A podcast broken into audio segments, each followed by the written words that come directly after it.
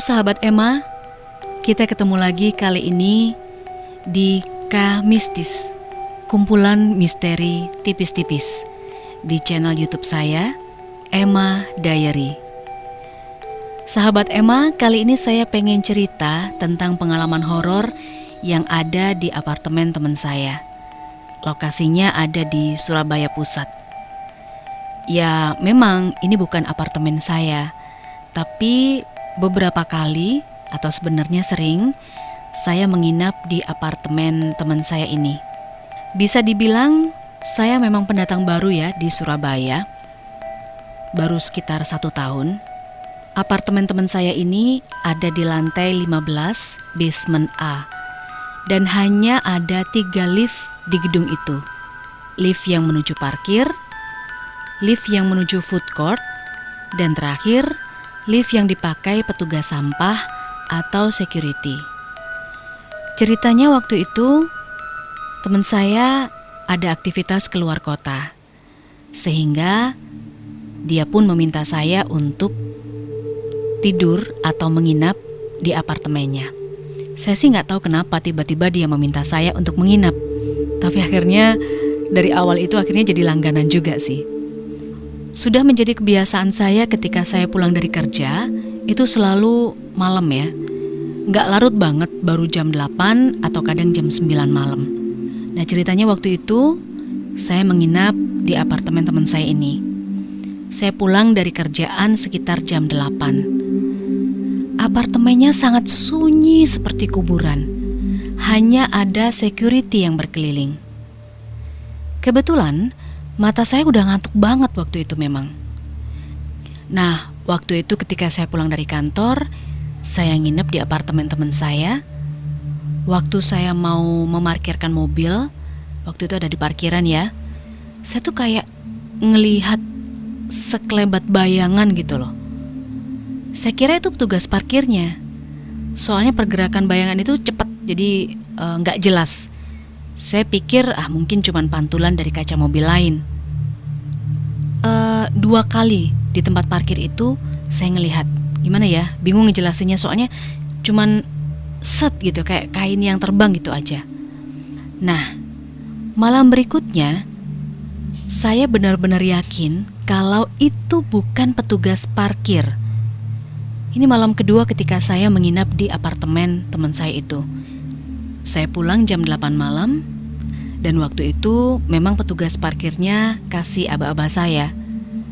Ketika saya tengok kaca spion sebelah kiri, jelas banget saya lihat sosok putih, rambut panjang, berdiri di belakang mobil seperti sedang main petak umpet gitu.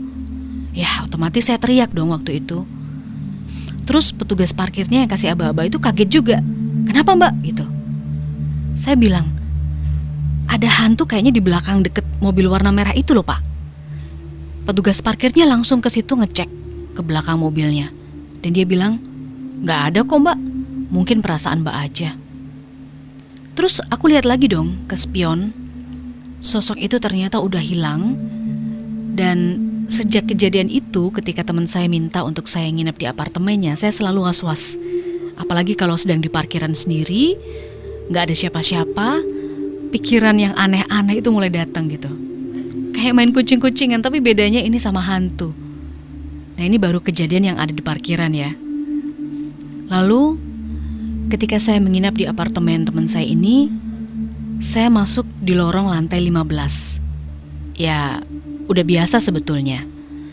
Pasti sahabat Emma membayangkan gimana lorong apartemen yang panjang, banyak lampu dan kamar, hampir mirip dengan rumah sakit gitu loh. Ya memang bangunannya agak aneh juga sih. Kalau malam sepi, sepi banget. Anginnya tuh juga kayak ngelewatin lorong itu. Nah, di situ juga sering saya beberapa kali menemukan hal-hal yang ganjil. Salah satunya yang berhubungan dengan lift petugas sampah. Tadi kan ada tiga lift ya. Nah pada saat saya kejadian ini, itu saya ingat banget lift petugas sampah. Kejadiannya masih sore sekitar jam 4. Kebetulan saya memang pulangnya agak cepat waktu itu. Waktu berjalan menuju kamar, melewati lorong sebelah selatan, harus ngelewatin lift petugas sampah, itu otomatis. Dan di lorong itu, saya sempat bersimpangan dengan petugas sampah yang sedang mengangkut sampah dari tiap-tiap pintu kamar. Nah, saat aku berjalan membelakanginya, anehnya waktu aku selesai naruh sepatu, aku nengok ke arah petugas sampah itu. Dan nggak ada orang sama sekali, men petugas sampahnya hilang tanpa jejak. Padahal saya cuma nggak ngelihat itu pada saat saya naruh sepatu doang. Saya sangat yakin jarak pintu kamar dengan petugas sampah itu hanya sekitar dua pintu aja, berarti kan nggak jauh juga ya. Lokasi menuju lift juga masih jauh, nggak mungkin bisa sampai di sana misalnya lari gitu ya. Dia kan bawa sampah. Saat saya lihat lagi, sampah di tiap pintu itu masih ada, belum diambil gitu. Padahal pas saya jalan tadi saya yakin banget ada petugas sampah yang sedang ngambil sampah dari depan pintu masing-masing. Ya masih heran dan nggak habis pikir dengan kejadian itu. Tapi ya udahlah ya. Uh, mungkin itu saya anggap sebagai saya salah lihat atau mungkin ya memang benar-benar hantu atau saya nggak tahu deh. Bukan hanya itu aja kejadian yang saya alamin ketika saya menginap di apartemen teman saya, khususnya di lorong basement lantai 15. Sekitar dua minggu dari kejadian itu, saya menginap lagi di apartemen teman saya ini. Saya juga mengalami hal yang aneh. Tetangga apartemen teman saya ini punya anak umurnya sekitar eh, tujuh tahun, tujuh tahun atau delapan tahun ya dia tuh seneng banget bermain di lorong pakai skuter kecil gitu deh. Jadi uh, ke sana ke sini ke sana ke sini gitu. Bahkan kadang ketika saya ketemu dengan dia, saya suka godain dia, saya suka menyapa dia. Nah waktu dia bermain di dekat pintu lift yang menuju ke parkiran, tepat di depan pintu kamar apartemen teman saya, saya tuh lihat ini anak kecil lagi ngobrol sendirian di, di dekat tangga gitu. Saya panggil namanya. Dek, kok mainnya sendirian? Sini main ke sini aja sama tante karena tante sendirian juga nih di sini. Eh, dia jawab gini. Enggak tante, ini saya lagi main sama Bim Bim. Ya, saya heran aja dia jawab kayak gitu. Lalu saya coba nanya ke mbak-mbak yang ngasuh dia, kayak yang ngomong gitu ya. Mbak, itu kok adek ngomong sendiri terus dia bilang dia lagi main sama Bim Bim tuh siapa ya nah pengasuhnya tuh bilang kalau si adek ini itu indigo dia bisa lihat hal yang tidak dilihat orang pada umumnya dan dia juga punya teman main namanya Bim Bim dia bilang ah udah biasa mbak eh, nggak uh, apa-apa itu kan nggak ganggu perkembangannya juga gitu tapi kan saya jadi ngeri-ngeri sendiri ya setelah mendengar cerita kayak gitu ya. Terus saya nanya dong ke adik ini, si Bim Bim bentuknya seperti apa ya, dek? Gitu. Dia jawab, pakai celana panjang, terus rambutnya kayak saya. Gitu. saya nanya lagi, masih kepo aja gitu loh saya. Rumahnya di mana? Dia nunjuknya ke arah lift petugas sampah. Wow, merinding dong saya sekarang aja merinding. Jadi semakin deg-degan gitu loh ketika saya teringat beberapa waktu lalu saya juga ngalamin hal yang sama, maksudnya hal yang ganjil gitu. Ada petugas sampah yang sok-sokan kayak ngambil sampah ternyata nggak ada. Hah, ya udahlah. Di sini banyak temennya, jadi enak kalau main di sini. Ya udah deh, saya udah dari situ udah Oke, cukup-cukup. Saya nggak pengen melanjutkan obrolan sama adik kecil ini. Udah masuk ke tahap horor dan saya nggak mau berhubungan dengan hal-hal yang begituan gitu. Ada satu kejadian lagi yang saya alami di lorong basement apartemen teman saya ini. Itu jaraknya sekitar uh, satu bulan ya setelah kejadian yang saya nanya sama adik-adik itu. Nah waktu itu saya pulang agak malam, lebih malam dari biasanya sekitar jam 9-an. Itu habis ada tamu lah di kantor, terus akhirnya pulangnya jam 9 lebih waktu itu udah capek ya udah capek lemes udah ngantuk pokoknya udah sempoyongan banget deh waktu berjalan di lorong itu. Waktu saya berjalan di lorong nggak tahu kenapa saya tuh tiba-tiba noleh aja ke arah balkon seberang yang berlawanan arah. Dan di sana saya lihat ada cewek rambutnya panjang bajunya putih, berdiri di samping pintu apartemen kayak lagi nunggu seseorang gitu. Nah, waktu saya ngelihat dia dari jauh ya, dia tuh kayaknya juga ngelihat saya kayaknya sih. Gak tau kenapa tiba-tiba dia langsung seperti terbang gitu aja, seperti kena angin gitu aja melewati balkon menuju lantai atas, terbang ke atas. Aduh, seperti kain bendera yang waktu upacara kayak gitu deh. Saya langsung lari ketika lihat itu, saya langsung masuk kamar, saya langsung kunci rapat-rapat pintu apartemen kamar itu. Aduh, deg-degan banget. Ya Tuhan, ya Allah, apa itu tadi ya gitu. Aduh, nggak tahu deh kenapa setiap kali pulang malam atau setiap kali nginep di apartemen ini itu kayak aduh nggak aman banget deh. Cuman kalau udah masuk di kamar nyaman gitu loh ada dua tempat lagi yang menurut saya di apartemen teman saya ini, yaitu di kolam renang sama di taman di ujung lantai. Itu kita ke kolam renang dulu ya. Waktu itu uh, saya memang nggak bisa berenang, tapi saya suka apa sih bahasanya kecek ya, ngerendam kaki gitu. Pokoknya biar relax aja. Masih inget banget. Uh, waktu itu harinya hari Jumat uh, hari Jum Jumat atau hari Kamis ya hari Jumat atau hari Kamis saya lupa saya tuh lagi rileks di pinggir kolam gitu. Udah jarang berolahraga udah nggak bisa berenang. Tapi saya suka lihat air suka main air nggak suka main api. Ya udah saya di sana sekitar jam 5 sore ya. Pulang dari kerjaan jam 5 sore. Waktu itu hanya ada tiga orang aja yang ada di kolam renang itu. Jadi ada cowok yang udah paruh baya yang udah agak tua gitu. Terus ada cewek yang masih ABG, sepertinya masih SMA gitu ya. Mungkin anaknya si bapak-bapak itu ya, cowok yang paruh baya tadi ya. Sama saya. Nah, saya lihat anak cewek itu diem aja di pojokan, nggak berenang. Jadi dia berendam juga sama kayak saya ngerendam kaki gitu beda sama sama eh, bapak-bapak atau laki parubaya yang yang berenang dia ke sana ke sini ke sana ke sini gitu. Ketika jam hampir jam 6 ya, uh, ya mau maghrib lah kira-kira. Saya udah udahan deh gitu. Naik deh ke kamar gitu ya. Nah si bapak-bapak ini kebetulan juga lagi duduk di pinggir kolam ngobrol sama petugas servis di dekat pintu masuk gitu. Ngobrolnya ya ya lumayan kenceng juga sih ngomongnya. Terus set, saya berjalan melewati uh, pojokan kolam renang tempat anak cewek tadi yang berendam. Jadi saya kaget gitu loh. Saya kaget banget.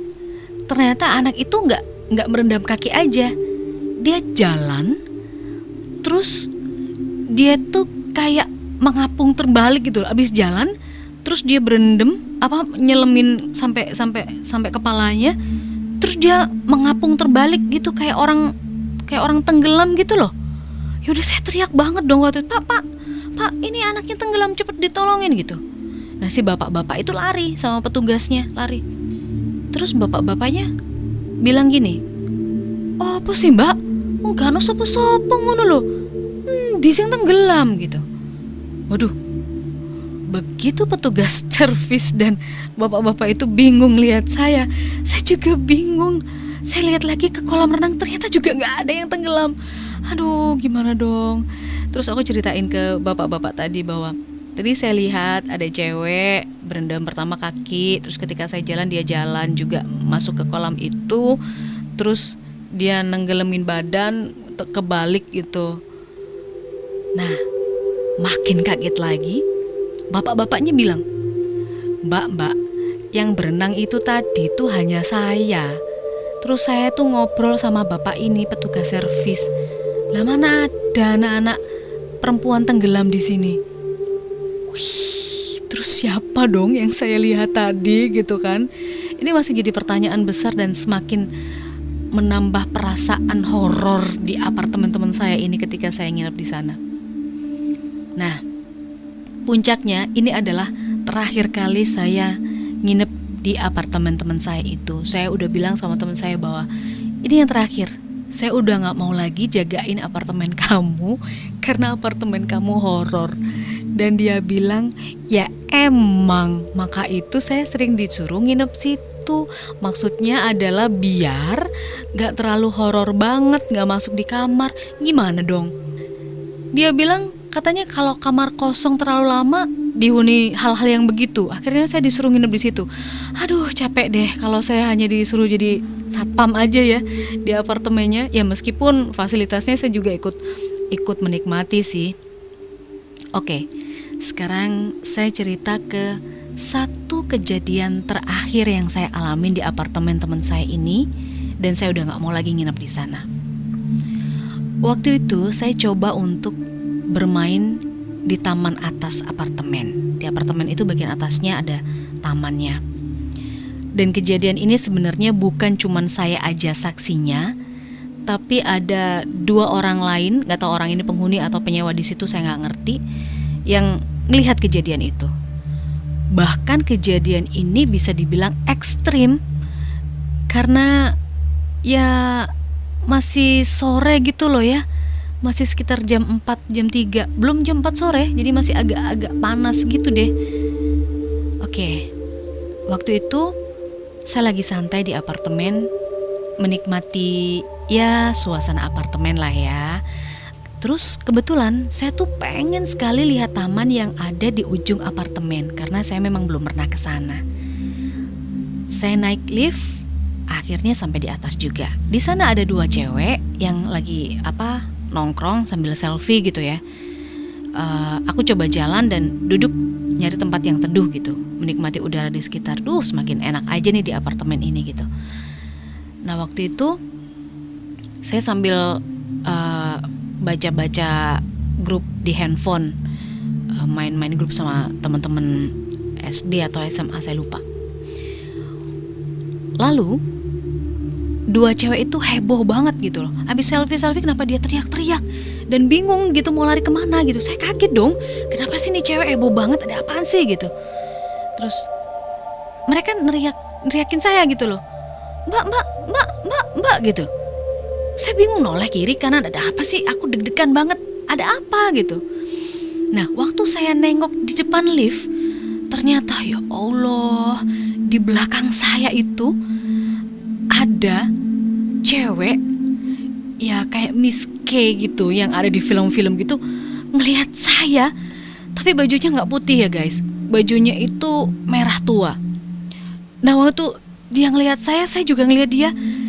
Itu sama sekali saya nggak bisa gerak nggak bisa teriak kayak dipaku di tempat gitu dia tuh ngelihat saya sambil kayak marah gitu ya nggak tahu matanya pokoknya mengerikan deh pucat banget menakutkan nggak bisa diungkapin deh dengan kata-kata. Saya bisa ngelihat banget waktu itu. Setelah beberapa saat tiba-tiba dia udah terbang aja wus gitu ngilang udah. Sambil saya dengar ada tawanya yang khas miski itu melekik di telinga dan waktu itu saya langsung lari ke lift diikutin sama dua cewek yang tadi selfie-selfie itu. Jadi kami ngobrol di dalam lift. Saya saya bilang sama mereka, "Eh, tadi lihat nggak yang ada di depan lift?" Terus mereka, "Ya itu tadi saya neriakin kamu, Mbak." gitu. Ya Tuhan. Terus saya bilang, "Dia tertawa. Kalian dengar juga?" "Iya, dengar." Nah, duh duh duh duh. Ya udah deh, saya masuk kamar. Saya cuci muka, lalu saya sholat karena udah mau deket maghrib saya wudhu gitu saya mau persiapan sholat badan tuh lemes banget pegel banget. Nggak bisa ngelupain kejadian itu dan malam itu pun saya juga nggak bisa tidur di situ. Hanya miring ke kanan miring ke kiri nonton TV nggak berhenti dengerin radio. Jadi kamar apartemen teman saya ini full musik lah ibaratnya. Udah saya bikin rame sendiri dan saya bertahan sampai pagi. Begitu habis subuh udah mulai agak terang. Akhirnya ya udah saya balik lagi kerja seperti biasanya dan itu adalah pengalaman terakhir saya nginep atau dimintain tolong jagain apartemen temen saya. Udah cukup itu yang terakhir dan saya tidak mau mengulang lagi. Ah, akhirnya saya bisa terbebas karena ternyata sama teman saya apartemennya itu juga dijual sekarang. Maksudnya bukan dijual ya, baru mau dijual, ditawar-tawarin gitu. Nggak tahu nih laku atau enggak dengan kondisi seperti itu. Ya, semoga cepat laku ya dan cari apartemen yang lain. dan saya bisa nginep di sana lagi kapan-kapan. Asalkan apartemennya nggak horor. Baiklah sahabat Emma, itu tadi cerita pengalaman uh, horor di apartemen teman saya.